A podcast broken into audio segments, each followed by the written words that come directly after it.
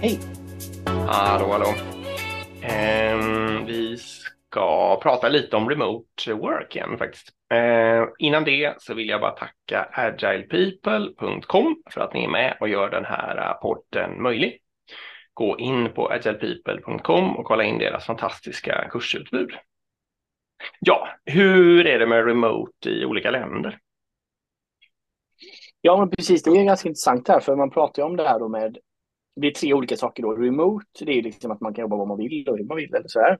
Mm. Hur blir det att man kräver, att företaget kräver att du är inne 50 procent eller tre dagar i veckan eller något sånt där. Mm. Och sen on-site är väl då att du måste vara mer eller mindre 100 procent på kontoret. Mm. Och precis, och hur ser fördelningen ut då? Uh, då har jag sett här att det är några som har gjort, uh, kollat på LinkedIn på alla annonser som är ute. För varje marknad i Europa, alltså för varje land i Europa. Mm. Och sen har de helt kollat hur många annonser finns ute totalt, hur många av dem eh, är remote, hur många är hybrid och hur många är on-site då.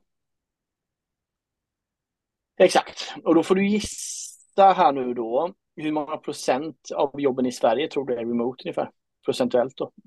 Eh, nu ska sägas också att jag har tittat på den där bilden, men det är ju typ förra veckan. Jag har inte framför mig. Mm. Eh, jag för mig att Sverige, jag tror också att Sverige är lite lågt på ren remote, liksom, som att det är mindre än 10 procent. Eh, mm. Det stämmer, 2,7 procent. Ja, det är väldigt lågt till och med. Ja, det finns 90 000 jobb ute på nu då och eh, remote av de 90 000 jobben är 2 368. Mm. Mm. Just det.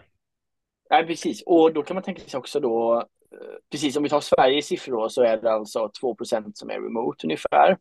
Hybrid då är 40 000 av de här 90 så är det mm. 40 procent kanske. Då, mm. Och on-site står då för 60 procent kanske. Något sånt där. Mm. Mm. Just det. Mm, precis, så får ni dra bort några procent som där remote-procenten mm. kommer in också. Sen kan man då säga så här, hur står vi oss då relativt alla andra länder i EU? Mm. Uh, och kan man säga värst då är ju Frankrike. De ligger på 0,9 procent remote.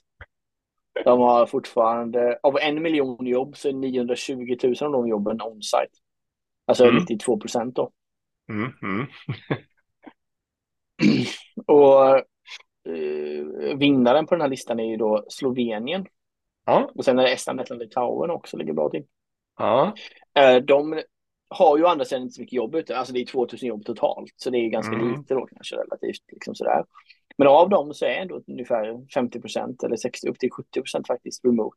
Jag kan tänka mig att det är mycket it-tjänster som uh, är där liksom. Att mm. Eller hur? Kan man sitta lite var som helst liksom. Kan man inte misstänka, några av de länderna du sa har väl fortfarande något lägre löner också kanske än Frankrike och Sverige. Mm. Och sen så kan man misstänka att de kanske har en lite högre, av alla de där lediga jobben så är det en högre andel IT, kanske både sån här kundsupport och sånt där liksom, men även utveckling och sånt där kanske.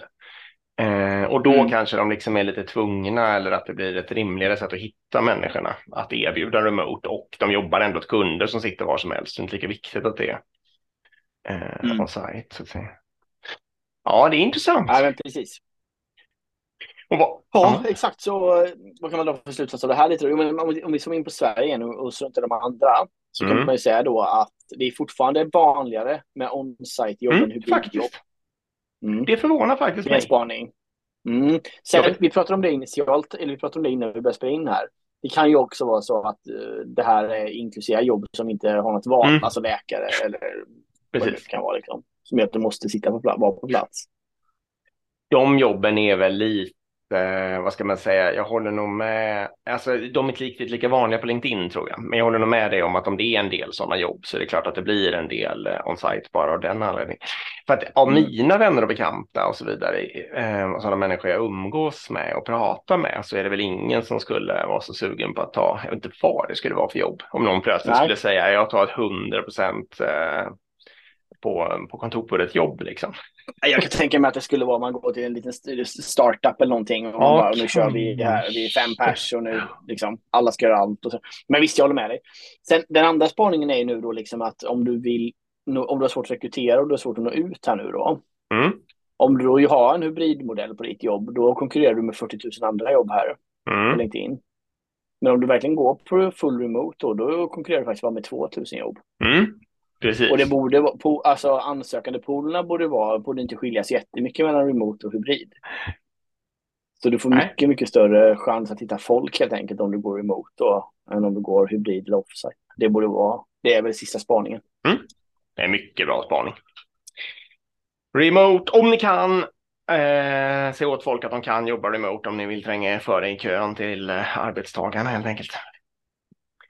Eh, bra, det tack för, tack för idag. Tack till agilepeople.com igen för att ni är med oss och tack till alla som lyssnar.